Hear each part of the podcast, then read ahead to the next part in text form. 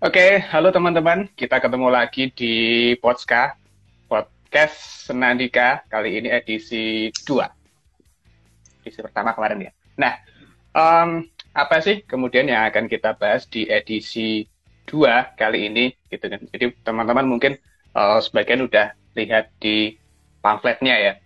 Bahwa kalau kita sore ini itu akan membahas tentang hmm, ada apa dengan film sejarah. Oh, jadi belakangan ini kan teman-teman mungkin juga uh, pernah entah pernah nonton langsung atau mungkin pernah dengar dari teman-teman yang lain bahwa um, ada banyak film-film yang pokoknya itu ceritanya itu tentang masa lalu gitu, tentang zaman dulu gitu kan. Misalnya hmm, mungkin yang belakangan-belakangan agak populer itu Bumi Manusia, terus mungkin sebelumnya ada Soekarno, Cokro, Cokro Sudirman, dan lain-lain gitu ya. Nah, untuk sore kali ini, saya nggak akan sendirian, nggak berani saya sendirian. Live IG sendiri-sendirian, wah. Saya hari ini akan ditemani oleh saudara Diki Kristiadi. Saudara Diki ini um, saya perkenalkan ya, sehari-hari beliau, waduh, atau saudara Diki, ini uh, kesibukannya adalah menjadi guru atau mengajar di salah satu SMA negeri di Purworejo yang bangunannya itu bersejarah, yaitu SMA Negeri 7. Gitu. Dan selain itu ya tentu uh, peminat film sejarah ya pastinya. Gitu kan. Nah, oke, okay. mungkin uh, itu aja ya untuk mengawali dan perkenalan sore hari ini gitu. Jadi mungkin bisa langsung aja Saudara Diki, apakah sudah siap? Pertanyaannya unik ya. Ya saya sebelumnya mengucapkan salam Assalamualaikum warahmatullahi wabarakatuh wal faidin mohon maaf. Warahmatullahi wabarakatuh. Oh iya, masih suasana lebaran ya. Iya, iya. Siap, siap, siap. Ya, Oke. Okay mau dimulai dari apa? Berarti ini obrolannya Mas Denny. Mm -mm, jadi mulai dari ini aja sih. Mungkin kan kita juga masih bingung. Jadi sebenarnya apa sih yang dimaksud dengan film sejarah itu kan? Apakah asal pokoknya settingnya zaman dulu itu sejarah atau dia harus oh harus asli tokohnya atau gimana? Jadi mungkin oh, bisa dijelaskan saudara Diki. ya, uh, terima kasih teman-teman yang sudah mau mendengarkan podcast ini. Nah, Uh, sebenarnya saya bukan seorang praktisi film atau sutradara film, cuma saya memang orang guru yang memang senang dengan film sejarah seperti itu. Ya karena saya guru sejarah jelas, jadi makanya film sejarah, makanya film sejarah. Nah, uh, mungkin kita sudah lama ya, maksudnya nonton film sejarah. Saya kalau hmm. kita ingat film sejarah, saya waktu pertama kali film yang pertama kali saya tonton film sejarah adalah pengkhianatan G30 eh penumpasan pengkhianatan G30 pengkhianatan ah itu eh, itu kayaknya semua generasi kita kayaknya iya. itu tontonan film pertama ya saya ingat pokoknya tengah malam dibangunin ibu terus hmm. itu nonton ada film nonton film ada filmnya biasa penumpasan PKI gitu. Nah, saya ingat uh, film itu yang dilihat pertama saya adalah celurit ya, celurit waktu itu yang di.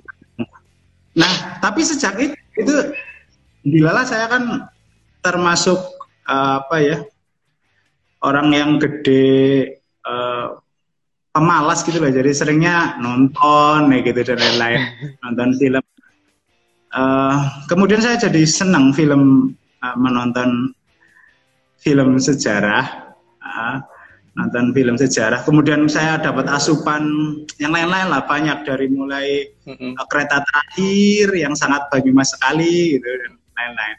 Nah kemudian uh, pada akhir kuliah saya dapat tugas yaitu film kontemporer, tugas sejarah kontemporer kita membuat Akhirnya film. ya. Dan uh, mengalami membuat film. Tapi bodohnya di situ saya risetnya tidak dalam gitu. nah baru setelah itu saya karena apa karena makin ke sini uh, film sejarah semakin banyak kan setelah 2010 ke sini ya itu saya jadi mikir itu loh karena film sejarah ini kayak lama-lama jadi dagangan makanya saya mikir yang jana yang disebut film sejarah itu apa sih gitu nah mhm. Film sejarah itu sendiri kalau saya kita kita bagi jadi dua lah ya.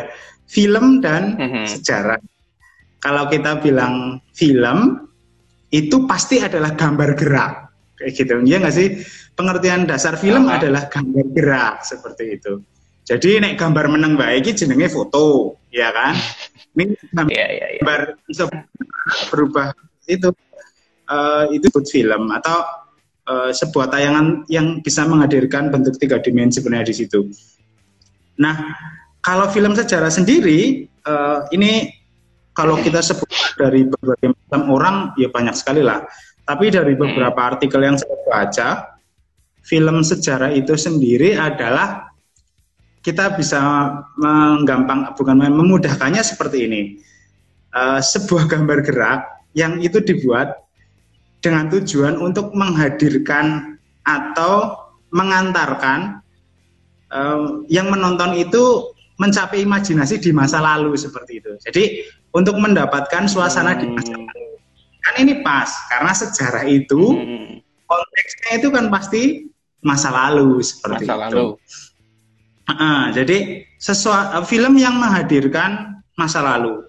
Jadi pokoknya yang yang itu settingnya pada masa lalu, yang itu uh, apa namanya ya, yang dibuat dengan suasananya juga masa lalu, orang-orangnya di masa lalu itu bisa dianggap sebagai film sejarah seperti itu.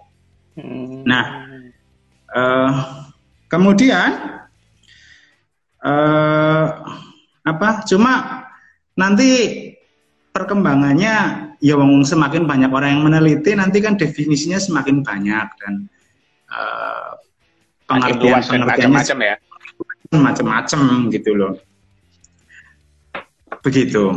Okay, mungkin okay, begitu mas. Oh, awal apa yeah, yeah, yeah. itu sih sebenarnya.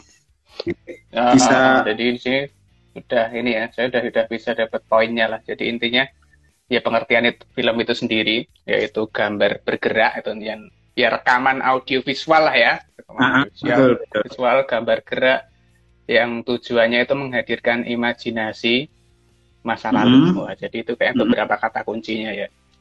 Iya, iya, iya. Lepas nanti masa lalu yang seperti apa gitu. Iya. Apakah masa lalu yang benar-benar terjadi atau masa lalu yang ingin orang percaya bahwa itu terjadi? Waduh. Iya betul gitu betul betul. Ah. Oke oke oke. Nah setelah itu mungkin ini sih uh, kalau menurut saudara Diki sendiri gitu juga sejauh beberapa kali pengalamannya nonton film dengan bertukar pikiran dengan orang-orang lain baca atau sebagainya um, gimana sih perkembangan film sejarah di Indonesia itu sendiri oh iya iya oh jadi begini tapi mungkin saya mau memulainya dari tentang uh, film kategori dalam film sejarah itu sendiri ya jadi tadi juga mm -hmm. di komen ada yang berarti film biografi itu film sejarah iya karena oh, film okay. sejarah itu sebenarnya jenisnya ya. Jenisnya itu sebenarnya ada dua macam gitu. Kalau saya hmm. membaginya ada dua macam. Yang pertama itu? adalah biopik, yang kedua adalah historical movie. Nah, biopik ini kependekan dari bio, biographical movie picture. Jadi film biografi oh. kalau biopik. Kalau historical movie itu ya murni film sejarah. Gampangannya begini, kalau biopik itu biasanya menghadirkannya step by step. Jadi dari kecil, kemudian dia masuk SD, hmm. masuk kronologis gitu lah. Ya? Runtut kronologis kalau dalam bahasa sejarah disebut kronologis seperti itu. Uh, uh, tapi kalau historical movie ini uh, lumayan menarik gitu, lumayan menariknya karena biasanya kalau historical movie itu mengambil film itu hanya dari dari uh, satu sudut pandang tertentu atau tentang gampangan kita itu hanya untuk melihat sebuah peristiwa tok kayak gitu loh atau melihat hmm. uh, kayak contohnya beginilah mungkin Mas Dani atau beberapa di sini sudah pernah nonton film Lincoln nah Ya, oh, kebetulan pernah. Nah, itu salah satu film Lincoln itu adalah historical movie karena walaupun judulnya Lincoln, tapi dia hanya menggambarkan tentang perjuangannya tentang uh, undang-undang perbudakan kalau tidak salah maaf itu. Di Indonesia masa-masa yang perang itu ya, perang saudara. Saudara. Kalau yang apa namanya? Yang Indonesia contohnya adalah uh, film darah dan doa. Nah, itu salah satu historical sebenarnya, walaupun itu fiksi ya. Ini kita baru melihat kategorinya dari baru melihat kategorinya dari jenis yang disajikan loh, belum dari kadar kefiksian, belum dari jenisnya ini film epos atau ini film perang atau film yang lain-lain lah. Jadi macam-macam bisa ya, ya. ini titiknya di sini saja. Uh, karena sudut pandang sekali lagi sudut pandang itu. Jadi uh, lebih ke uh, kalau bio, biopik itu contohnya yang ada lagi di Indonesia kalau di Indonesia contohnya Yusukarno, kemudian Bos Cokro Aminoto, ya filmnya kan banyak sekali lah. Di itu film gitu historical movie uh, sangat jarang sih ya di Indonesia agak susah. Um, apa ya? Oh, pengkhianatan G30 SPK itu historical movie. Gayanya historical oh, Oke, oke, oke, oke. Itu. Nah, kemudian tadi kita kembali ke uh, masalah perkembangan ya. Jadi hmm. kalau saya pernah mungkin membaca se sebuah artikel itu kalau Salim Said itu membagi film malah unik lagi nih. Ada film komersil dan film ideal. Gitu idealis dan komersil. Tendensius sekali pembagiannya itu ya. Tapi itulah kita fungsinya saja ya. Fungsinya saja. Jadi selama ini di Indonesia uh, ini mengalami pergerakan yang lumayan lumayan bagus lah gitu dinamis. Gitu. jadi uh, dinamis cukup dinamis. Walaupun yo Indonesia selalu terbawa tren kayak gitulah. Uh, selalu lagi tren apa ya dibuat seperti itu. Nah, kita lihat dari fungsinya dulu. Film itu kan sebenarnya kalau kita lihat fungsinya ada tiga kayak gitu loh. Nah, yang pertama adalah sebagai pengikat bangsa kayak gitu. Jadi ini wow. ya apa ya kalau disebut sebagai pengikat bangsa itu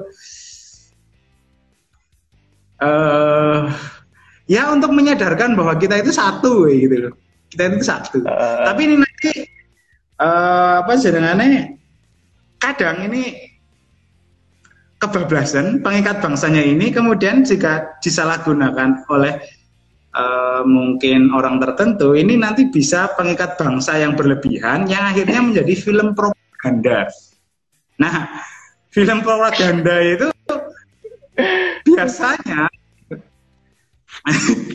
biasanya propaganda itu lain menambah-nambahkan sesuatu yang baik-baik, misalkan menggambarkan tokoh atau peristiwa heroisme dan lain-lain itu sangat berlebihan. Nah itu kalau itu misalnya, propaganda. misalnya nih, misalnya teman-teman kan ada contohnya nih lebih jelas nih. Kalau kalau definisi kan, wah itu filmnya sing yang seperti apa ya? Kalau nyebut film kan teman-teman mungkin, oh itu toh.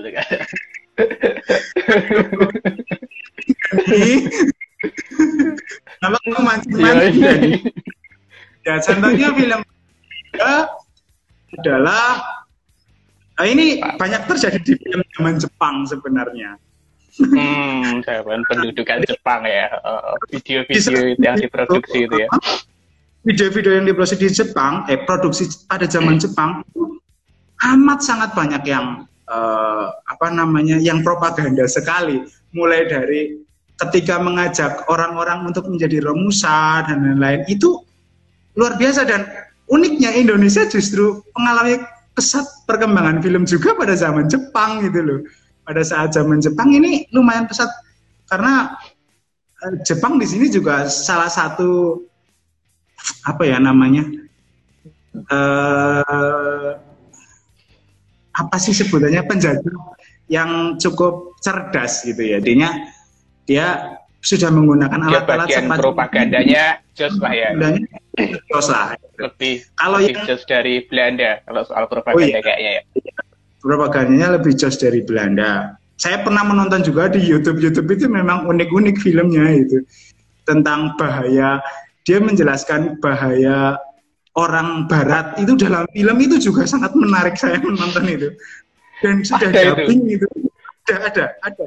Dicari wow. itu ada uh, baru tahu. Iya, unik sekali itu. Kalau yang sekarang uh, akhir-akhir ini mungkin ya saya tidak bisa menjelaskan secara inilah karena nanti akan lebih banyak lagi. Kemudian satu lagi yaitu fungsinya dari film adalah sebagai pendidikan dan ini juga dengan hiburan lah. Pendidikan ini ya kita tahu lah pendidikan itu kan e, banyak gitu jadi aspeknya entah itu moral tentang itu karakter, entah itu tentang kehidupan sendiri gitu loh. Jadi uh, bisa menjadi alat itu ya gitu. Yang itu nanti juga saya sebagai guru juga ini nanti mungkin uh, akan membahas membahas ini juga di di bagian lain dari Praktek ini. penggunaan film di sekolah gitu ya sebagai media pembelajaran. Seperti apa video pembelajaran ya, gitu. Nah, kemudian ini kalau lihat kita dari fungsi. Nah, kalau dilihat dari fungsinya itu tadi kalau era 50-an, 80-an, uh, kemudian 2000 apa, pasar reformasi lah ya. Pasar reformasi hmm. memang ini berbeda. Kalau biasanya propaganda itu yang menciptakan itu biasanya itu memang hmm. lembaga-lembaga resmi kayak gitu. Dan ini propaganda juga sangat sensitif nantinya gitu loh. Kenapa? Karena tidak harus pemerintah yang ingin didukung, kadang suatu organisasi yang ingin mencitrakan baik juga kadang membuat film propaganda semacam itu. Oh. Jadi sih kita tidak bisa menggeneralisir uh, apa namanya uh, bahwa yang dan tidak semua juga film-film dari lembaga atau ini juga terjadi seperti itu, kayak gitu loh. Kemudian oh. uh, uh, dan ini memang lebih banyak. Saya tidak bilang uh, film propaganda itu dimulai sejak kapan ya? Tapi Indonesia mulai hmm. menggunakan banyak uh, film sebagai alat propaganda adalah uh, ketika mulai Orde Baru, dan itu masih berlanjut sampai saat ini. Gitu. Kalau sebelum sampai itu saat ini ya? Uh, masih sampai saat ini. okay, okay. Kalau tahun 50-an itu memang hmm. saya nggak tahu film 50-an dalam fungsinya memang mungkin benar-benar uh, ini sih ya sebagai uh, unjuk seni saja mungkin atau ini apa sebagai sebagai apa jenengannya? Ya sebagai ekspresi saja sebagai sebuah karya gitu loh. Jadi lebih saya sangat sedikit atau mungkin karena banyak film juga yang sudah hilang sekarang juga saya nggak tahu sih. Karena kayak Turang itu dulu Bahtiar Siagian itu kan dituduh 65 itu kan. Tersangkut 65 hmm. filmnya juga hilang sekarang nggak bisa ditonton lagi. Wow. gitu. jadi nggak kelacak ya nah, banyak juga yang masih tersisa kan kita pasti ingatnya darah doa 6 jam di Jogja terus ya, kayak yang populer itu ya. Ah, dan itu yang yang diselamatkan ya kayaknya. Dalam darah uh, juga. Kemarin yang Asra. yang direstorasi kan itu kan? Iya memang benar. sama lewat jam lewat jam malam ya? Malam 6 jam di Jogja terus hmm. asrama darat hmm. tiga darat kawan-kawan. Terus kemudian kita lihat dari perkembangan penggarapannya ya kalau penggarapannya uh, ini juga unik saya tak tonton tonton kok memang eranya itu seperti itu jadi kayak terbentuk menjadi tiga parts gitu loh. Saya waktu nonton film hitam putih tahun 50-an, hmm. di, kemudian nanti tahun 70 80, kemudian nanti uh, 98 ke sini, 2006 ke sini, 2005 ke sini itu uh, caranya berbeda dalam penyajian film sejarahnya itu sendiri gitu. Kayak misalnya kita lihat 6 jam di Jogja tahun itu hmm. karyanya Usmar Ismail ya. Pasti kalau penikmat film pasti tahu lah Usmar Ismail itu siapa lah gitu kan. itu kan legenda uh, pertama ya kayaknya itu di dunia uh, sutradara. Bahkan hari perfilman nasional itu kan diambil dari 30 Maret 1950 kalau nggak salah waktu uh. dan doa pertama kali tag video atau tag filmnya oh. itu itu diambil sebagai hari film nasional. Pengambilan nah, gambar pertama untuk film Darah dan Doa itu ya yang dijadikan hari uh, film nasional. Jadi hari film nasional. Nah, uh, kalau saya ambil yang 6 jam di Jogja ya karena ini lebih eksplisit. Eksplisitnya kenapa? Karena jelas 6 jam di Jogja pasti tentang serangan umum 1 Maret itu. Kayak hmm. gitu loh. Serangan umum 1 nah, Maret. Itu menarik juga ya. Apakah uh, tahun itu uh, penggunaan nama serangan umum 1 Maret itu belum populer atau gimana kok judulnya malah 6 jam di Jogja tuh. Kalau kalau orang yang mungkin sekarang ya dan nggak nggak melihat hmm. sejarah atau apa kan bingung juga itu enam jam di Jogja tuh ngapain ya piknik atau ngapain itu kan eh tapi iya iya pikiran iya. itu ya saya, saya jadi nganu saya jadi nganu saya jadi ingat ini dan saya selama nonton uh. film itu sampai selesai saya nggak pernah mungkin saya salah ya tapi mungkin uh. yang lain boleh menonton saya belum pernah no, dengar kata kita akan melaksanakan serangan umum 1 Maret. Itu nggak pernah. Dengarnya saya akan kita akan melaksanakan serangan serentak pada tanggal sekian. Kayak gitu. Bisa begitu ya. ini juga unik.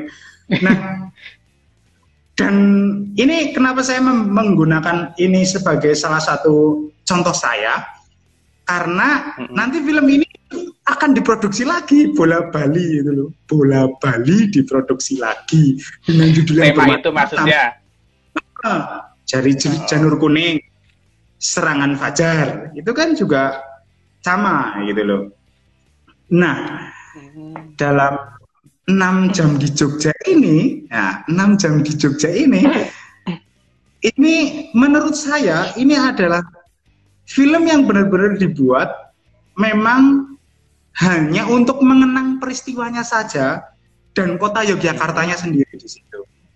Jadi dalam penggarapannya itu minim sekali tokoh yang muncul. Jadi hmm. nama Pak Harto itu hanya sekali disebut. Tokoh Sultan sama sekali tidak muncul di situ. Uh, Jadi malahan ya? Iya, hanya meng, meng, meng, mengatakan sebagai ngarso dalam kayak gitu loh. Oh. Bahwa menyatakan ngarso dalam uh, uh, Pokoknya Ngarso Dalam itu membantu perjuangan. Yang justru muncul adalah rakyatnya di sini. Gitu loh. Bahwa misalkan kalimatnya begini, kalimatnya begini. Pokoknya ini ibunya tokoh utamanya ini, salah satu tokohnya, ibunya itu ngomong gini, pokoknya apa pun yang terjadi, kita pokoknya manut sama Ngarso Dalam. Dan kita tetap menjadi Republikan. Gitu. Uh, ini menarik karena benar-benar mengambil benar-benar mengambil uh, apa namanya uh, sisi dari rakyatnya itu sendiri. Dengan penggarapan properti yang menurut saya sangat pas gitu loh. Sangat pas dan sangat netek. Entah karena 49 sampai 51 baru dua tahun. Bisa gitu. jadi ya itu ya. Setting tepat dan lain-lain itu nggak perlu repot-repot nggak jauh berubah ya. karena karena memang waktu itu memang mungkin uh, penata artistik kata propertinya itu juga lumayan jagoan karena memang yang main urusan di situ rata-rata orang-orang gede kabeh gitu loh. Yang garap kalau nggak salah sih uh, itunya si Basuki Rasobowo. Basuki Rasobowo itu kan seniman lukis. Bukan. Oh. Yang properti artistik dan lain-lainnya. Itu Basuki Rasobowo itu seorang pelukis terkenal juga gitu loh. Oh sisi rupa juga. Ini keren juga sih. Terus kemudian uh, pemilihan, nah ini yang penting juga nih kalau dalam enam jam ini uh, castingnya, castingnya itu mm-hmm.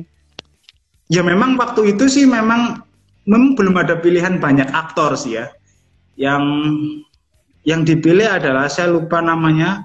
Yang jelas dia orang Sumatera yang kemudian jadi guru besar di UI si Del Zusar namanya. Nah, Prof Del Zusar yang kemudian jadi Profesor Del Zusar. Ini dari pakaian, dari uh, apa namanya kemudian tata tata setting dari rumah dan semuanya itu menurut saya istimewa gitu loh. Jadi kalau sekarang ya kita bandingkan dengan Sudirman lah film Sudirman gitu. Sudirman, film Sudirman. yang Adipati yang sekarang, atau yang Adipati Dolken. Uh, orang okay, uh. bikin film ya orang sekarang kalau bikin film sejarah tentang perang menggambarkan semua yang perang waktu itu tuh pakai baju keki warna coklat pecinya itu yang lancip kemudian yeah, yeah, yeah, panjang-panjang yeah. padahal dulu justru tidak seperti itu kalau uh, nggak percaya silakan kita bisa uh, bisa mengambil foto-foto dari yang buku-buku yang sudah ada lah. Kayak kalau banyak hmm. fotonya 30 tahun Indonesia Merdeka itu kan banyak fotonya. Nah, biasanya Oh iya, yang berapa jilid ya itu ya? Lima atau berapa itu?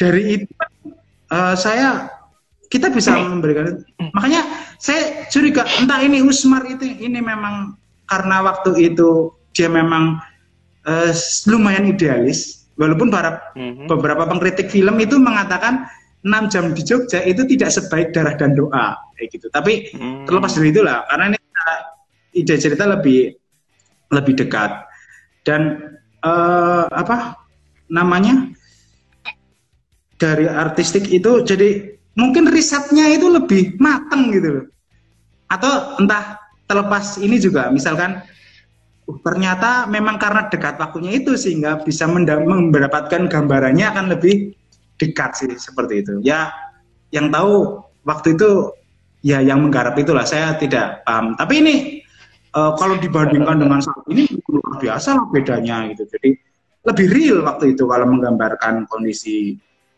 kondisi uh, film di, di era tahun 50-an 50 dan kebanyakan uh, 50-an itu memang kebanyakan historical movie. Jadi filmnya gampang dicerna gitu lah. Tidak cepat pindah-pindah waktu, cepat bolak-balik gitu loh. Historical karena hanya melihat secara utuh. Dan 50-an itu uniknya lagi adalah dia bisa memanusiakan segala macam ada yang apa yang ada di filmnya. Jadi tidak ada tendensi untuk gede-gede ke tokoh ini, gede-gede ke tokoh itu. Mm -hmm. gitu. Pokoknya darah dan doa si tokoh utamanya itu kan memang real seperti tentara pada era itu. Yang Di, komandan siapa ah, ya? Komandan, komandan juga sama yang pemainnya Darah dan Doa dan 6 jam di Jogja itu sama dan oh, saya sama. belum jadi nonton ya yang 6 jam di Jogja itu. Ah, sama persis, sama persis dua orang itulah yang main. Gimana tentara, bukan tentaranya sih, pejuang waktu itu juga ya masalah percintaan juga kadang seperti itu. Kemudian uh, nestapanya lagi banyak yang berjuang setelah setelah Indonesia menerima kedaulatan sendiri itu justru hmm. akhirnya lantung mendapat masalah justru justru terjerat masalah politik itu ditampilkan oleh Usmar Usmar Ismail dengan ya real nyata ya gitu loh. Jadi kalau kita nonton itu ya seperti gambaran persis waktu itu, tidak ada yang dilebih-lebihkan dan tidak dikurang-kurangan seperti itu. Nah, ini akan bergeser lagi ketika era 70 80-an seperti itu. Ini kan Usmar Ismail sudah mulai berubah. Entah ini ada kaitannya dengan yang berkuasa pada saat itu atau memang karena eranya seperti itu, justru era pengkultusan atau era membesar-besarkan tokoh itu muncul era 70-80 ini.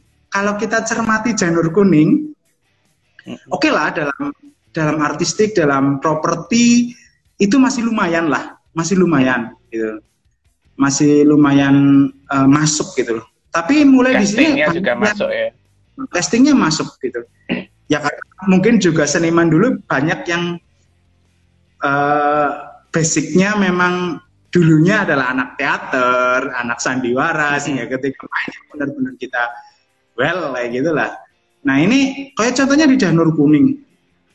Saya kalau nonton Janur Kuning, uh, nonton Janur Kuning itu akan melihat tokoh uh, Letkol Soeharto pada saat itu yang diperankan oleh Kaharudin Sapa itulah eh iya itu itu sebagai tokoh yang menurut saya luar biasa di situ.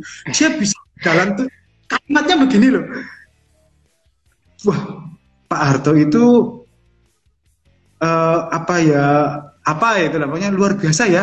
Tujuh hari tujuh malam kok bisa bisanya tidak belum capek gitu. Dan itu di filmnya oh, juga iya, digambar. iya. Uh, saya ingat itu bahkan ingat itu. dialognya sampai berlebihan seperti itu.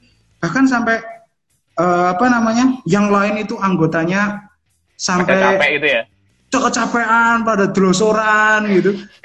Tapi dia masih jalan terus. Jadi apa apa ya ada secara fisik pun itu.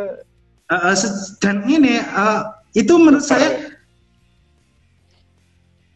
apa ya pe, penggambaran atau pendeskripsian pendeskripsian tokoh yang menurut saya berlebihan melalui film gitu loh. Jadi terlalu dilebihkan gitu loh. Walaupun secara lain dapat. Dan memang intinya mungkin film ini memang angkat itu sih ya. Saya nggak tahu uh, inilah. Tujuan. tapi uh, ada perkembangan uh, tapi ini kita yang tadi itu adalah film-film yang memang diproduksi diproduksi oleh uh, yang resmi waktu itu ya banyak juga sebenarnya di luar itu film-film yang secara penggarapan tahun 70 80 itu juga bagus gitu loh.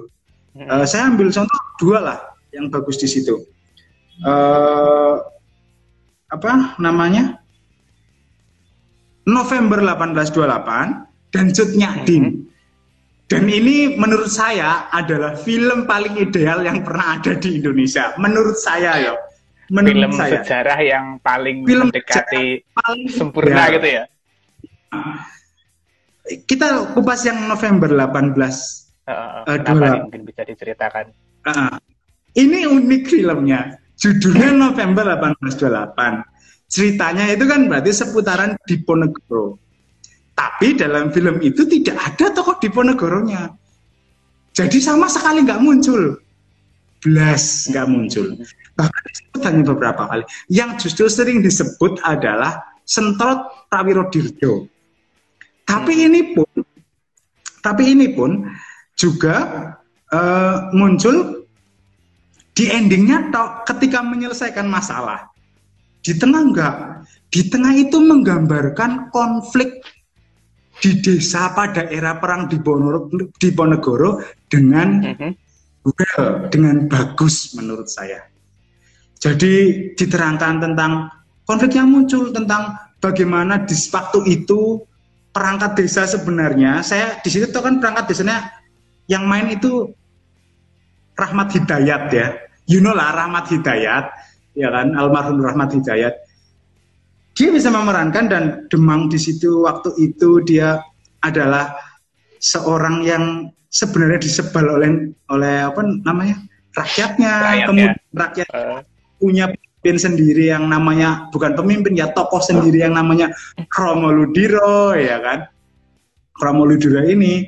Dan konfliknya digambarkan dengan jelas dan secara desa sekali gitu nggak usah yang muluk-muluk ini itu dan sebagainya. Jadi ini sebenarnya film fiksi. Tapi latar dan ide ceritanya itu sangat historis sejarah seperti itu mungkin Mas Dani juga pernah nonton lah Mas Dani kan iya, penggemar juga uh, kalau kalau itu ini sih menurut saya dia dia hebatnya itu uh, mungkin yang ingin dihadirkan itu bukan kayak presisi apa ya, oh mungkin tanggal sekian oh, perang di mana, tokohnya di mana. Walaupun itu ya tetap ada sih di awal sampai di belakang, tapi mungkin lebih ke suasana atau jiwa ya. zamannya waktu itu ya mungkin.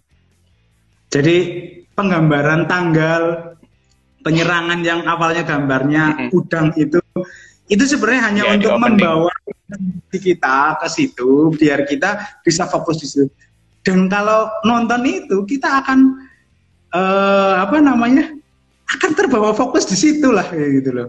Saya pernah memberikan tugas ini kepada siswa saya juga sih waktu masih di sekolah yang lama juga dan oh, oh. ya lumayan lumayan mau mereka untuk menonton karena juga ringan ceritanya gitu loh. dan yang memerankan dan ek, ek, uh, apa namanya castingnya itu castingnya menurut saya walaupun ya sebenarnya sekarang menjadi nama-nama besar semua lah yang di situ yang main Selamat Raharjo wes nah mm-hmm. itu kan terus Rahmat Hidayat terus Yeni siapa Yeni Gusman atau siapa itu lah yang yang ceweknya itu. Terus banyak tokoh lain juga yang sebenarnya saya nggak kenal tapi memerankannya juga sudah sangat keren. Bagus. Ya penggambaran anak desa waktu itu. Itu simpel sekali loh. Kalau kita sekarang menggambarkan semua anak desa kan selalu kalau film-film sekarang menggambarkan anak desa itu kan selalu pakai ikat kepala, iya kan, pakai udeng atau apa, kemudian baju ditutup, kemudian kadang yang konyol lagi selalu memakai sandal apa namanya sandal kulit yang pendekar-pendekar itu, ya? itu. Oh, uh, kayak Wiro Sableng itu. Uh, terus menggunakan batik gitu loh. Dan Eh, lain-lain. Kalau di situ digambarkan ya apa namanya anak-anak desa ya seperti itu rambutnya gondrong cuma diikat sederhana kumis dan brewoknya ke mana-mana ya kan yang zaman itu kan belum kenal barbershop sama nganu lah apa? Pomade. Pomade itu kan. Jadi ya seperti itu. Terus kainnya juga sederhana karena uh, menurut saya juga saat itu pun menurut saya tidak sembarangan orang bisa membeli batik seperti beli batik sekarang yang 30 ribuan seperti itu loh. Jadi dulu mungkin akan lebih mudah orang-orang desa hanya menggunakan kain polos yang dibeli dari toko kain atau hanya dari ininya sendiri seperti itu. Jadi sangat-sangat tidak ya. produksi sendiri dan tidak berlebihan menurut saya itu. Itu November 1828 memang Eh, dan memang castingnya memang luar biasa. Yang tidak terkenal itu juga eh, luar biasa. Yang terkenal ya, ya sudah tahu lah Selamat Raharjo menjadi kapitan The Bulls. Cepat cakap ya. itu yang namanya Kromoludiro, ya kan. Jadi saya tidak melihat orang Indonesia di, di maksudnya, walaupun yang memerankan orang Indonesia.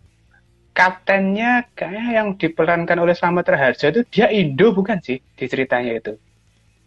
Dua-duanya Indo dan Dua-duanya Indo. Yang satu kan yang akhirnya di penjara sendiri.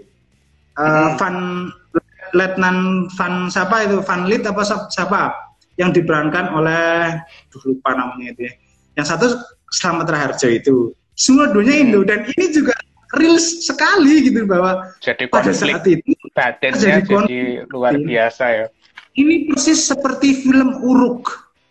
Nah, ini ah. film jarang sekali. Uruk ini juga sama seorang tentara Belanda yang kecilnya bareng seorang tentara eh seorang anak Jawa yang mereka harus berhadapan ketika uh, terjadi perang kemerdekaan. Uh, itu terjadi konflik juga dan itu nyata.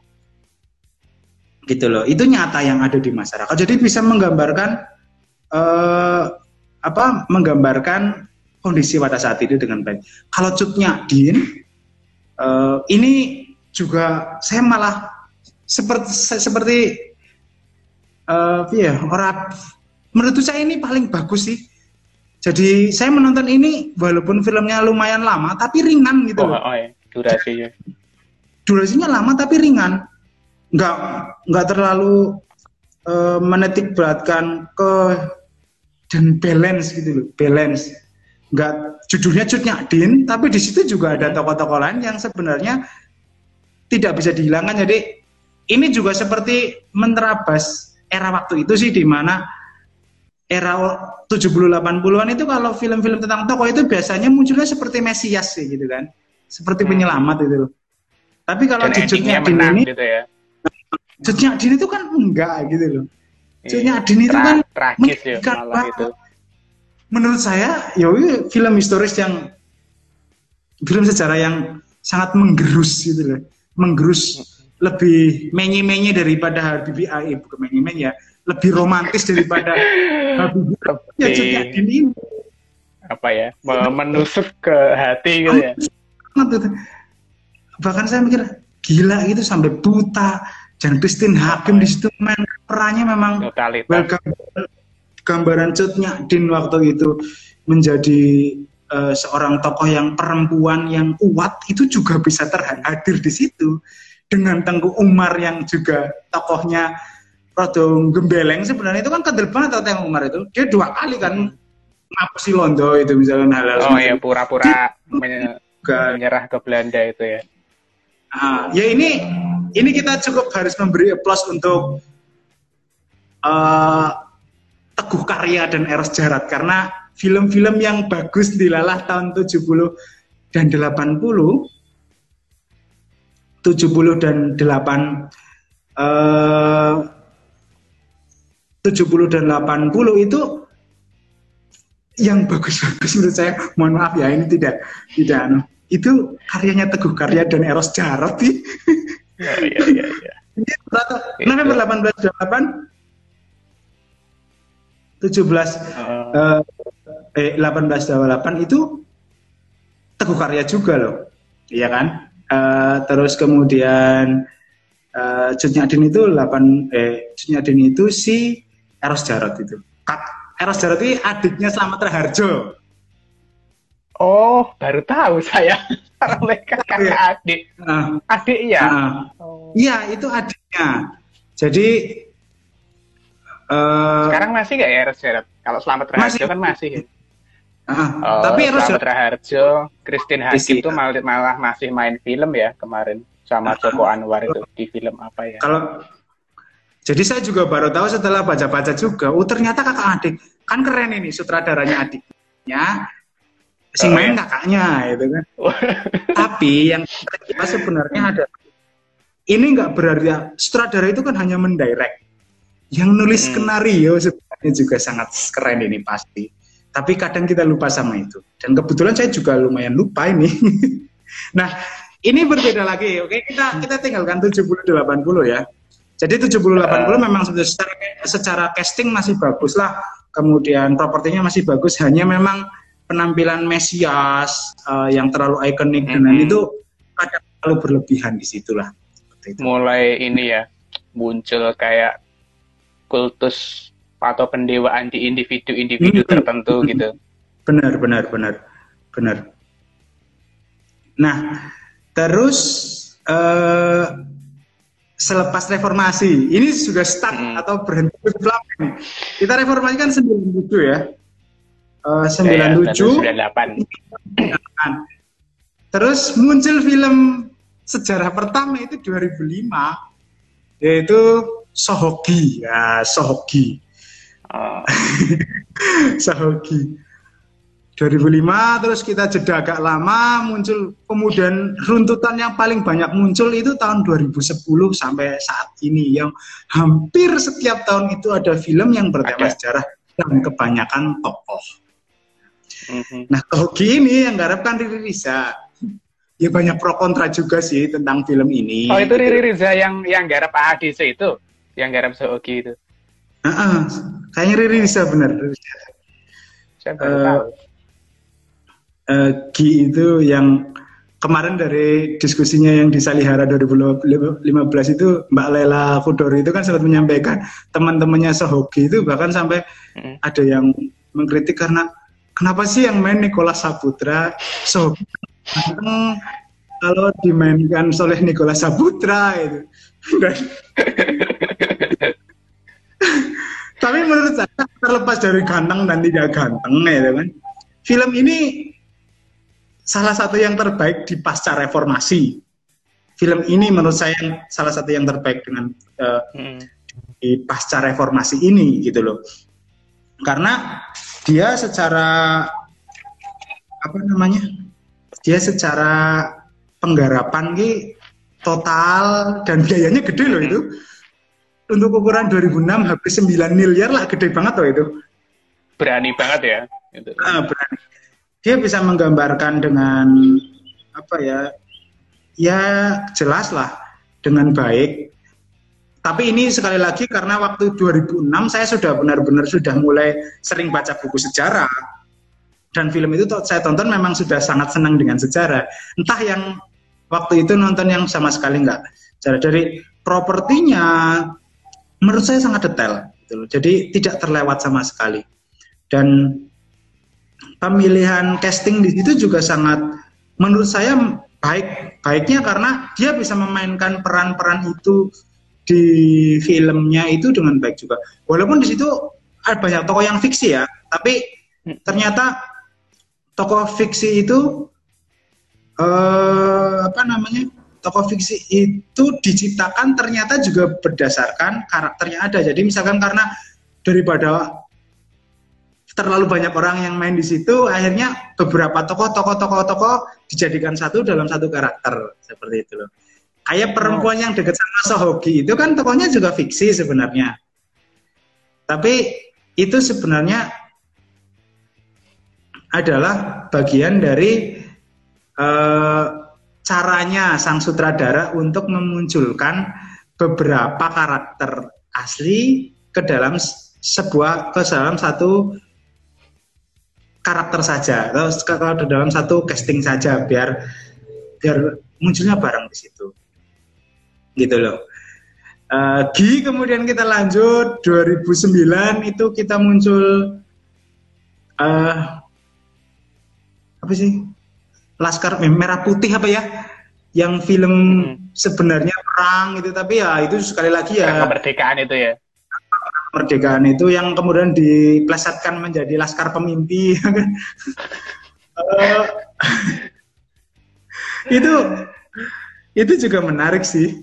Menariknya karena mencoba menghasilkan dan itu juga pasti duitnya banyak banget untuk menciptakan itu. Tapi diciptakan saja ya. Waktu itu yang membuat ya Wong Sugih itu ya yang mempromotori Hasim itu Sim Joyo Hadi Kusumo itu oh uh, iya teman-teman mungkin tahu itu siapa. Hasim itu anaknya Pak Sumitro saudaranya Pak Prabowo. Iya. Nah, cukup. Dan memang di situ dimunculkan kan salah satu tokohnya adalah uh, bukan tipe tokoh tapi untuk mengenang saudaranya yang meninggal di peristiwa Lengkong kan waktu itu. Di salah satu ininya kan muncul itu. Tapi itu juga sebenarnya secara properti secara uh, artnya itu menurut saya kurang itulah. Maksudnya terlalu fiktif. Jadi entah mikirnya kadang yang film-film sekarang yang berkaitan dengan perang gambarannya tentara Indonesia tahun 45 49 itu udah kayak tentara Amerika di Band of Brother gitu loh yang sudah pakai seragam kemudian uh, senjatanya bisa menggunakan semua kemudian sudah pakai sepatu rapi gitu ya. Uh, PDL istilah PDL ya itu. Kemudian ya, lengkap. pakai dinas lapangan. Bahkan di situ diceritakan kan ada munculnya kayak tokoh Rambo sih memang itu bisa mengendalikan pesawat barang ya Allah itu si mbakku yang bang nih nggak kayak gitu ya, tapi aku awal-awal sempat terjebak kayak gitu juga loh. Jadi sempat mikir juga bahwa 45 itu tentara Indonesia itu ya ya pakaiannya kayak kalau orang sekarang mencitrakan veteran. Jadi warna kaki terus pakai peci. Kayaknya kalau gerilyawan tuh kok harus kayak gitu gitu. Padahal ya, no, no, ya no, juga ya. Pokoknya ya, gini lah, kalau kita gitu mungkin tahu gambarannya uh, gerilyawan tahun 4549, tontonlah Darah dan Doa dan 6 jam di Jogja. Pakaiannya persis itu, bahkan hmm, sampai ya. sepatu-sepatu ya. yang digunakan, model celana, kaos-kaosnya kan kaosnya beda. Uh, dulu itu nggak ada pakai kaos gombrong, adanya itu pakai kaos semuanya itu pendek. Nggak percaya dilihat di foto-foto lah. Atau ini, Vi, jadi ini juga mungkin Dani baru tahu. Danur kuning itu dan itu ada versi uh -huh. bukunya. Oh, itu sebelum sebelum filmnya? Saya nggak tahu. Yang nulis Purnawan Condronegoro, bukan Purnawan Basundoro ya, Purnawan yeah, Condronegoro. Sejarawan. Condronegoro. Saya punya tiga tiga jilidnya Wow. Dialog itu persis. Jadi bukunya itu novel. Tapi isinya foto-foto pejuang semua di situ. Isinya foto-foto mm -hmm. ini. Dan kalau kita nggak ini saya ini sebagai sebuah karya historis, ya memang mungkin karya yang diawali dengan wawancara sih, tapi sampai teksnya itu kata-kata yang wah, oh yang ini, wah kita semua yang adegan di mana semua orang sedih, karena Pak Harto dikira mati. Itu hmm. dialognya sama Pak. sama yang sudah berjalan tujuh hari tujuh malam. Ah, saya menemukan itu di perpustakaan SD-SD yang biasanya SD-nya tajuknya SD Impress.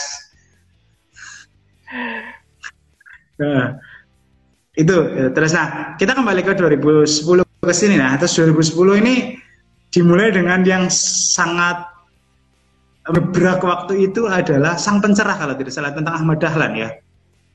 Oh. Nah, uh. nah tentang Ahmad Dahlan. Nah itu sebenarnya era-era yang mulai saya sebenarnya sangat senang banget waktu itu karena saya sudah masuk ke jurusan sejarah, oh, kok kuliahnya sejarah, kok sekarang sudah banyak sutradara yang mau menciptakan film sejarah kayak gitu menciptakan film sejarah wah bahagia ini gitu loh tapi mohon maaf hasilnya yeah. kadang ini? di luar ekspektasi kita kayak gitu loh jadi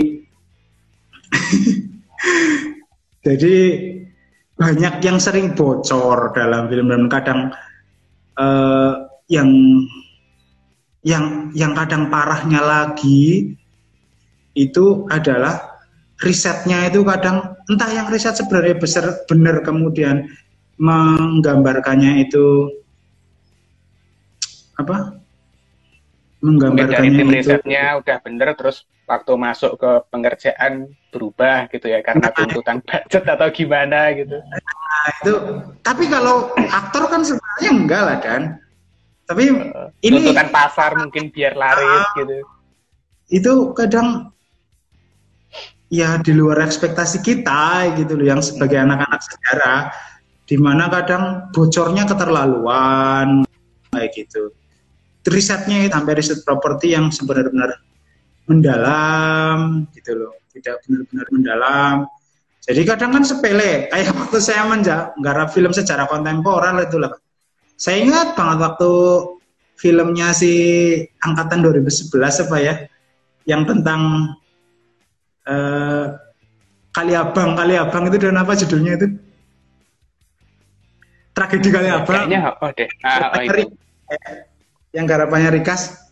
Itu kan sempat dikritik apa ya propertinya benar. Kita tahu ini zamannya lama, tapi kan kita nggak tahu apa namanya ini benar apa enggak kursi rotan. Pokoknya yang penting kursi yang berarti rotan, oh dikira tahun lima bulan sudah ada, tahu ternyata itu adalah kursi yang ada tahun 70-an, 80-an itu kan itu kan parah gitu loh.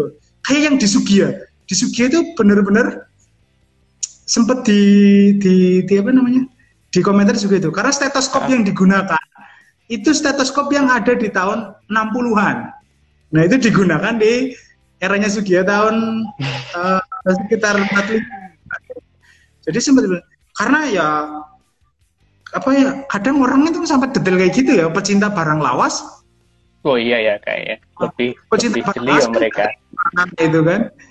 Walaupun ini juga uh, apa namanya kadang beberapa juga melakukan pembelaan di sini pembuat filmnya itu. Saya bilangnya pembuat film ya ini gabungan dari mana.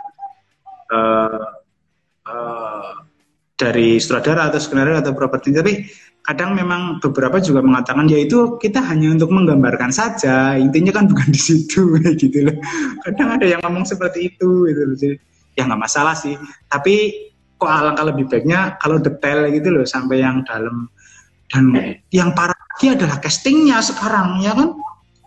Casting itu pemilihan aktor aktris ya ya. Iya luar biasa loh Kartini itu yang garapan Kartini yang terakhir itu. Saya kok melihat jiwa lemah lembut pemberontaknya Kartini kok nggak ada malah. Di sini bunga bunga bunga bunga itu teriak-teriak gitu kan. Menurut saya terlalu terlalu radikal zaman itu gitu. atau pemeran Soekarno di film Soekarno dengan di film Sudirman saya kok malah lebih senang Pak Imbong yang main daripada Aryo Bayu gitu loh. Karena Pak Imbong dia gini lah Soekarno yang sepengetahuan saya itu kan orangnya dia kendel tapi kalau ngomong intonasinya seperti itulah khas gitu loh. Dia kalau di dalam di depan laki-laki bisa garang musuhnya bisa garang tapi dia bisa sangat manis kepada orang-orang yang di dekatnya entah itu laki-laki atau perempuan gitu loh. Terus kemudian yang kayak bumi manusia itu ya walaupun sebenarnya novelnya kan fiksi itu. Tapi kan menggambarkan tahunnya harusnya benar, menggambarkan latar sesuai fungsi film sejarah untuk membawa penontonnya berimajinasi di masa lalu, itu harusnya ya, ya. gitu. Nah, kemarin itu saya tonton di Bendesken ternyata Iqbal itu ngomongnya itu Raden Mas Tirto Aji Sukmo. Lah, guyu toh saya itu. Lama-lama jadi ragu ya Iqbal tuh pernah membaca Bumi Manusia sama Sang Pemula atau enggak gitu ya? Ya, ya mungkin membaca tapi kan lupa ya. Uh, mungkin kan di oh, Bumi iya, Manusia iya, juga iya. di Suryo ya kan? Mm -mm. Dan kadang mungkin si aktor ini juga kadang mungkin tidak jarang ya baca baca film eh baca cerita tentang baca saya kok uh, baca bukunya itu mungkin juga jarang jadi ya untuk menggambarkannya juga enggak ini atau Sudirman yang diperankan Adipati Dolken gitu. Saya cukup prihatin dengan itu juga maksudnya gambaran saya ini Sudirman tenang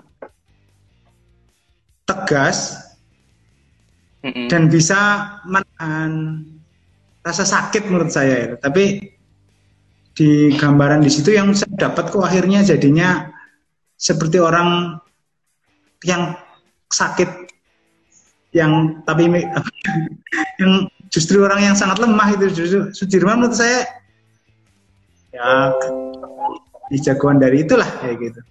Jadi itu sih untuk gambaran penggarapan dari 50, 70, 80 sampai ke periode ini. Itu juga kita belum bicara beberapa film yang sebenarnya ada tapi tidak terlalu terkenal kayak gitu loh. Mm -hmm. Kayak film Marsina, terus istirahatlah kata-kata, kemudian hmm, itu ya. Uh, terus uh, oh ya satu lagi yang sekarang lagi hits juga tentang The Os gitu lah yang hampir hampir hampir dirilis yang konon katanya itu tentang Westerling kalau nggak salah. Yang saya juga Udah beberapa itu atau masih digarap? Sudah selesai sepertinya garapannya loh, sudah loh. Kayaknya kayaknya sudah bang sudah ada trailernya. Nah, tapi oh, ya kita belum timur ya.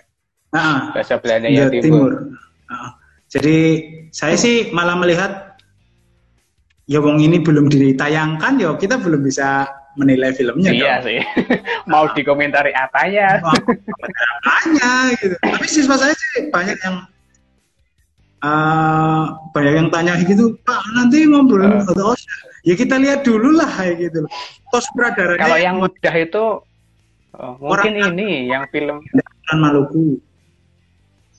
Hmm, gimana dong? yang sudah yang ini loh yang kerja sama Indonesia Belanda juga mungkin kayak apa ya Max Havelaar kalau nggak salah saya ingat itu juga ah, kayaknya iya, kerja sama Indonesia Belanda. Nah, mungkin kita bahas yang sudah aja. Tapi kalau gini sih konteks kerjasama itu juga perlu dipertanyakan loh dan. Mm -mm. iya juga sih. Iya, sebagai iya, kerjasama. itu ya Indonesia-nya?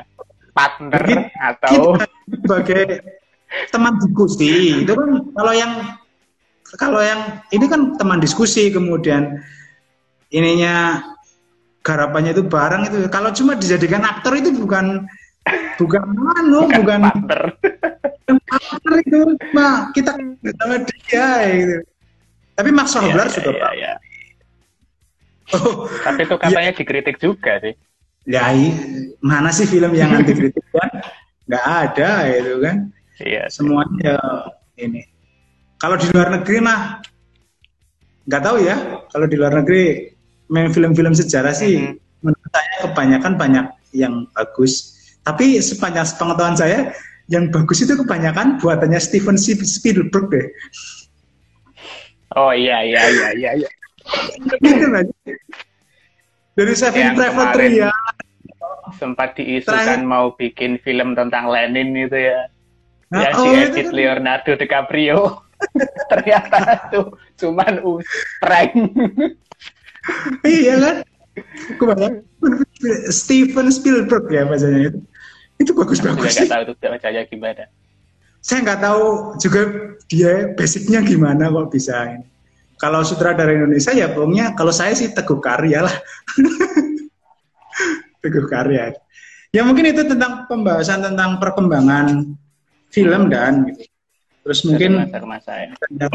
yang bisa okay, dibahas okay. lagi apa? Oh iya, mungkin ini sih. Tadi kan juga sudah perkembangan film dari masa ke masa dan juga film yang ideal juga sudah diberikan contohnya. Nah, ini mungkin lebih ke lalu bagaimana sih film itu kalau untuk digunakan sebagai ya katakanlah kalau bahasanya guru-guru itu kalau bahasanya kita kan media pembelajaran sejarah. Waduh. Hmm. Atau ya bisa nggak sih orang itu belajar sejarah dari film? Oke okay, oke. Okay. Jadi begini, yang perlu kita jelaskan dulu adalah uh, semua film di Indonesia itu punya masalah dan gitu.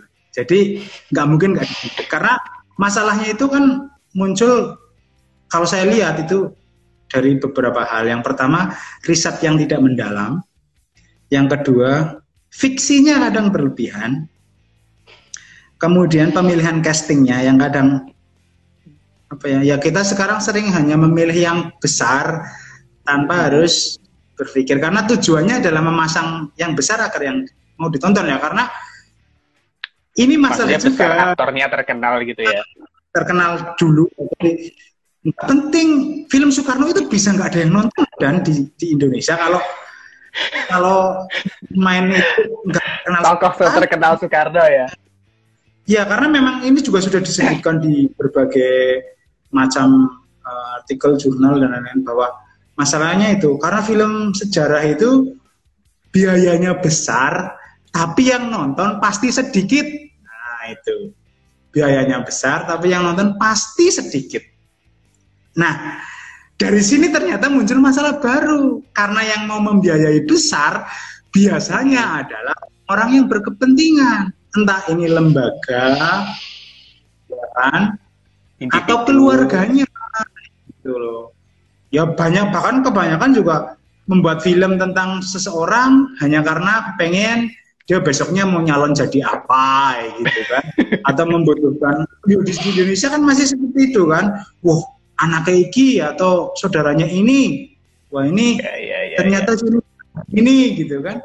Jadi justru di sini juga menimbulkan masalahnya uh, uh, apa ya munculnya investor ini yang umum ini yang sangat yang kebanyakan adalah keluarga ini akhirnya menimbulkan masalah baru yaitu adanya intervensi dalam pembuatan film itu makanya yuk kalau kita lihat film di Indonesia yang sekarang sekarang yang tentang Soekarno tentang Sudirman ya akhirnya jadi kultus lagi nggak lagi ya percuma dong kita katanya dulu membenci tentang film Janur Kuning karena mengkultuskan Soeharto berlebihan sekarang kita menggunakan film yang eh, menggunakan model yang sama untuk menggunakan sesuatu nah padahal yang perlu kita pahami bahwa film itu kan sebenarnya kayak gini loh itu adalah bentuk dari kalau dalam se dalam sejarah itu kan gini yang meneliti kan sejarawan.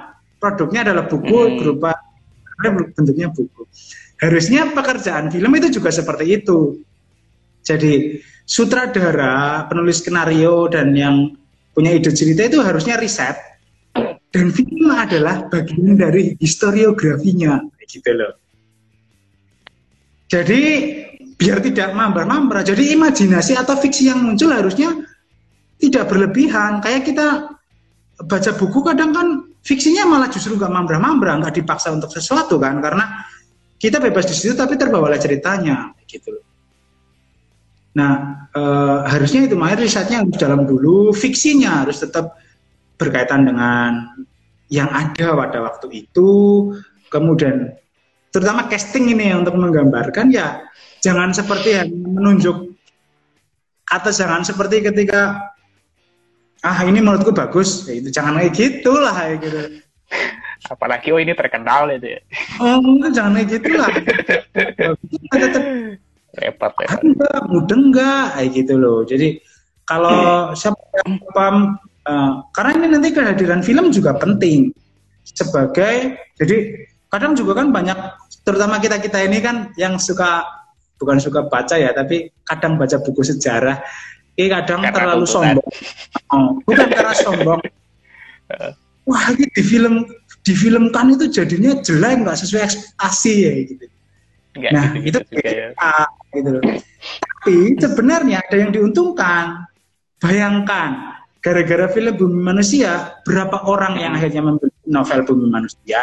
Kan kayak gitu. Setidaknya dia ini bisa membaca novel. Itu jadi tahu. Jadi untuk rebranding awal itu bagus. Makanya selayaknya dalam menggunakan film sejarah itu harusnya dengan kondisi Indonesia saat ini dan pendidikan sejarah yang luar biasa ya, di mana kita dipaksa selalu untuk menjadi atau memaksakan diri untuk menerima kebenaran tunggal, ya kebenaran tunggal, film sejarah ini harusnya jadi alternatif lain gitu loh. Jadi nonton film sejarah untuk memantik pengetahuannya, mencari pengetahuan baru kayak gitu loh. Mm-hmm. Jangan buru-buru, kita jangan buru-buru ibaratnya langsung menjudge dulu kita. Ya bagus ini untuk uh, era yang muda gitu loh. Dan ya itu apa namanya kayak bumi manusia juga nggak salah itu sebenarnya karena yang dilihat memang sudut pandang romansnya kan dan sasarannya emang generasi yang lahir tahun 2000 ke sini ya yang mungkin ya, betul. ada apa ya belum belum terlalu mengenal Pram sebelumnya. Karena ke, kayak uh -huh. manusia tuh kayaknya kan kebanyakan yang kecewa. Itu kan orang yang udah baca Pram gitu kan. Kalau orang uh -huh. orang yang belum baca saya nggak tahu. Iya tapi kalau orang yang udah baca Pram itu pasti kecewa. Pasti kecewa. Komennya luar biasa banget itu. Wah luar biasa. Padahal penggambaran salah lah dia seperti bahas lah. Itu kan orang yang sangat menolak feodalisme Jawa kok digambarkan loncengnya pakai pakaian Jawa, kemudian dia sendiri aja menolak itu ya gitu. Kan ini gitu loh. Oh, ya. Jadi malah kalau pakai baju kolonial gitu mah masuk ya. Ya, uh, dan kadang baju kolonial yang diciptakan sekarang juga lucu-lucu sih kadang unik. Mending nonton film itu apa kadang saya uh, film apa sih filmnya Barry Prima yang ada jari getihnya itu apa ya? Dia menggambarkan opasnya sangat bagus. Lupa saya. Jadi begitu dan. Jadi menurut saya uh, terlepas dari itu film sejarah tetap ya itu tadi ya yang penting fiksinya jangan terlalu terlalu berlebihan kayak gitu lah fiksinya harus berdasarkan memang secara riset kayak gitu. Jadi nggak mambrah-mambrah gitu ternyata uh, apa namanya hmm, sering kadang kan menambahkan semaunya sendiri ya gitu loh. Mosok Ahmad Dahlan misalkan atau siapa pakai kaos atau orang dulu pakai kaos oblong yang yang yang tipis itu yeah. mereknya Jupiter ya gitu kan es masuk tuh atau ada logo krokodil di sini aduh ya. Uh, terus kemudian, okay. apakah layak untuk menjadi media pembelajaran? Jadi di sinilah peran guru di sini yang penting. Jadi makanya bagi saya seorang guru sejarah, seorang guru sejarah itu harus suka nonton film sejarah. Kenapa? Uh, apa namanya?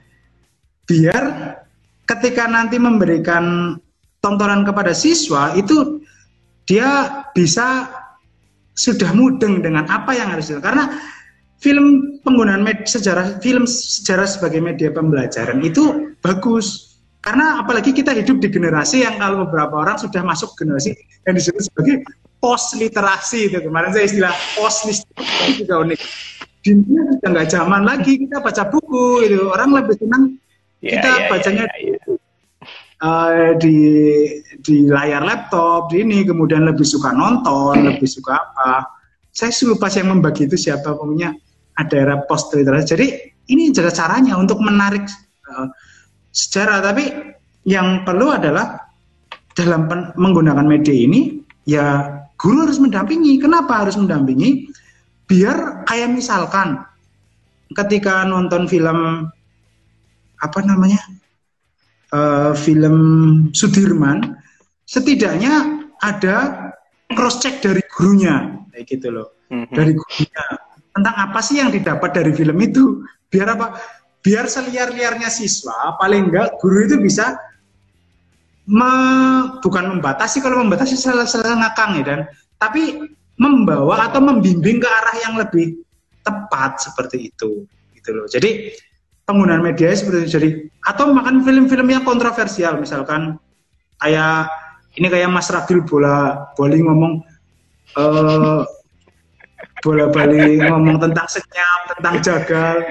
Ya nggak apa-apa selama selama selama gurunya bisa mendampingi. Saya takutnya gitu loh. Tapi secara hukum film -film, itu masalah nggak ya? Secara hukum. Nanti di sekolahnya didatangi Intel Kodim kan ya repot. secara hukum masalah itu. Bisa mendampingi.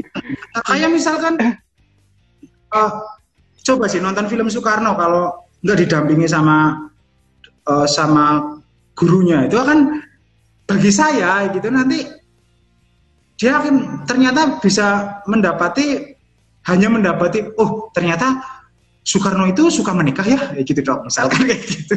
Gampang tergoda perempuan ya.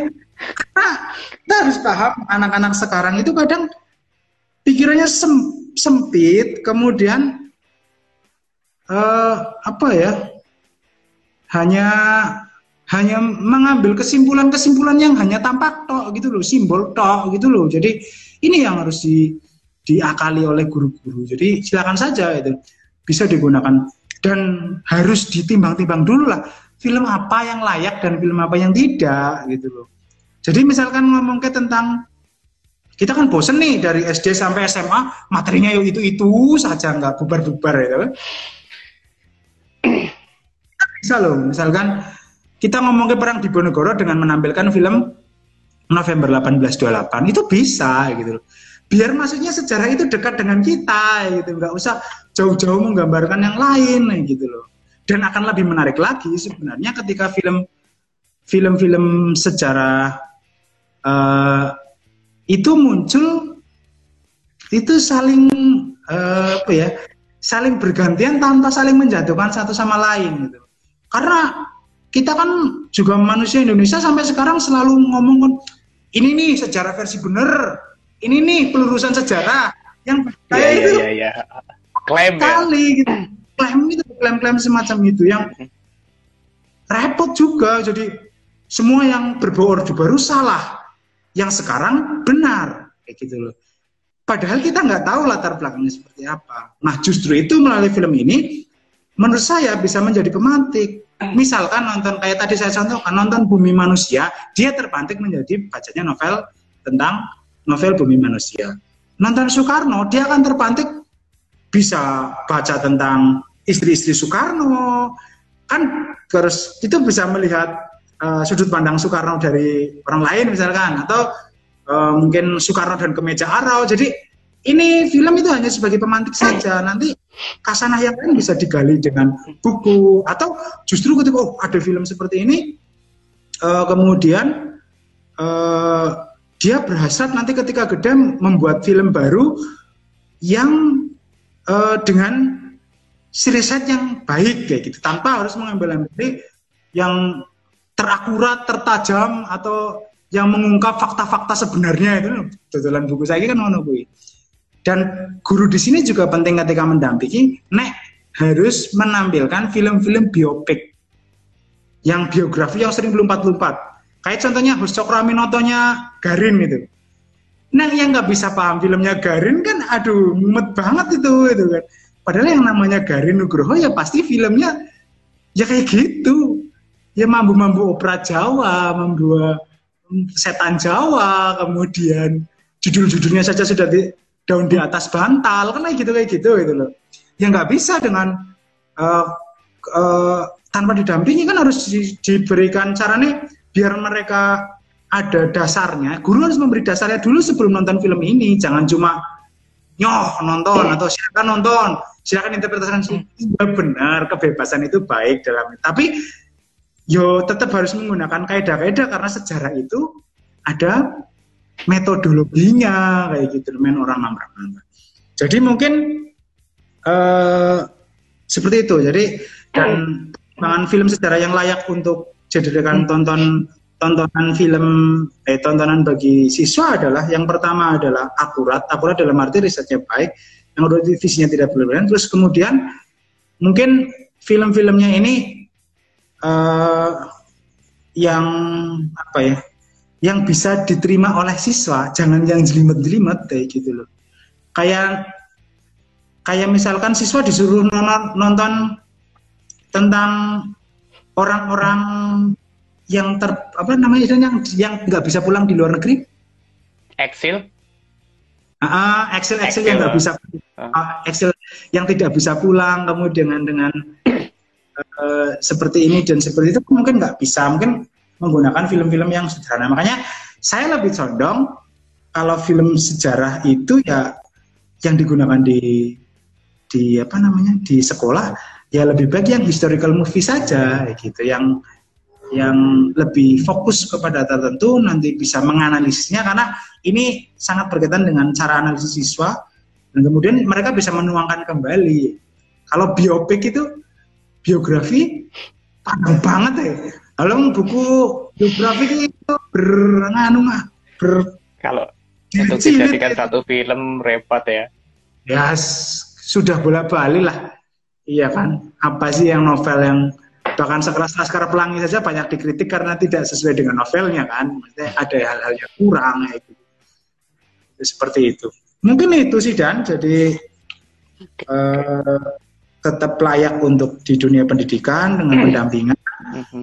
Dan untuk ke depannya film-film yang ada di di Indonesia mungkin ini PR kita bersama ketika menciptakan film yaitu tentang riset, tentang fiksi yang berlebihan, pemilihan casting dan juga intervensi pihak lain yang ini berkaitan dengan nah, nah. emang repot itu. Uh -uh. Begitu dan mungkin uh, bisa di apa ya kamu okay, ngomong okay, okay, okay. apa gitu boleh lah menjadi diskusi ini mungkin karena ya sekali lagi kita dibatasi waktu ya sebenarnya kalau mau diterusin juga masih masih pengen ngomong lebih banyak lagi ya tapi mungkin saya mau menggaris bawah itu aja gitu dari yang poin terakhir tadi ya. Intinya adalah bahwa ya bisa gitu kita kita nggak serta merta kemudian menolak dengan alasan oh itu nggak sesuai atau mungkin risetnya kurang. Tetap bisa toh. Itu nanti kan film itu untuk menjadi bahan dia trigger gitu kan untuk pemantik uh. oh, untuk bahan diskusi itu mungkin menjadi masalah adalah kita ketika kita menganggap bahwa film itu sumber final. Nah, mungkin masalahnya di situ nah, ya. betul. nah itu. sumber final dan itu mm, mm, mm, itu pokoknya yang di film itu benar kenyataannya seperti itu. Nah itu mungkin jadi masalah. Tapi kalau untuk jadi bahan diskusi nah itu bagus itu. Nah um, ya sekali lagi waktu ya. Mungkin eh, ya terima kasih sebelumnya saya ucapkan kepada saudara Diki yang sudah membersamai kita di sore ini. Terima kasih juga untuk teman-teman yang sudah setia um, merelakan waktu dan kuotanya. Dan sebelum mengakhiri, uh, mungkin ah mungkin saya singgung sedikit ya untuk untuk edisi Potska selanjutnya. Itu edisi ketiga. Nanti kita insya Allah akan ada lagi itu kan. Waduh. Nanti kita akan bertemu dengan boleh nyebut nama orang bintang tamunya nggak dia besok ini, aja besok aja. Uh, ya jelas nanti kita akan bertemu dengan seorang guru konten kreator dan seorang yang public speaker yang just oke. Okay. gitu terima Dan kasih. untuk sore ini. Ya yeah. terima kasih untuk terima kasih untuk sore ini. Terima kasih untuk teman-teman semuanya sudah setia. Dan uh, mungkin nanti yang belum um, sempat nyimak mungkin yang di awal atau yang lain-lain nanti insya Allah juga akan di ini ya apa namanya uh, di podcast di Spotify-nya ya nanti bisa bisa dilihat gitu. Oke, okay. um, mungkin sekian itu dari kami gitu kan dan mohon maaf apabila ada hal-hal yang kurang berkenan Terima kasih semuanya dan selamat sore.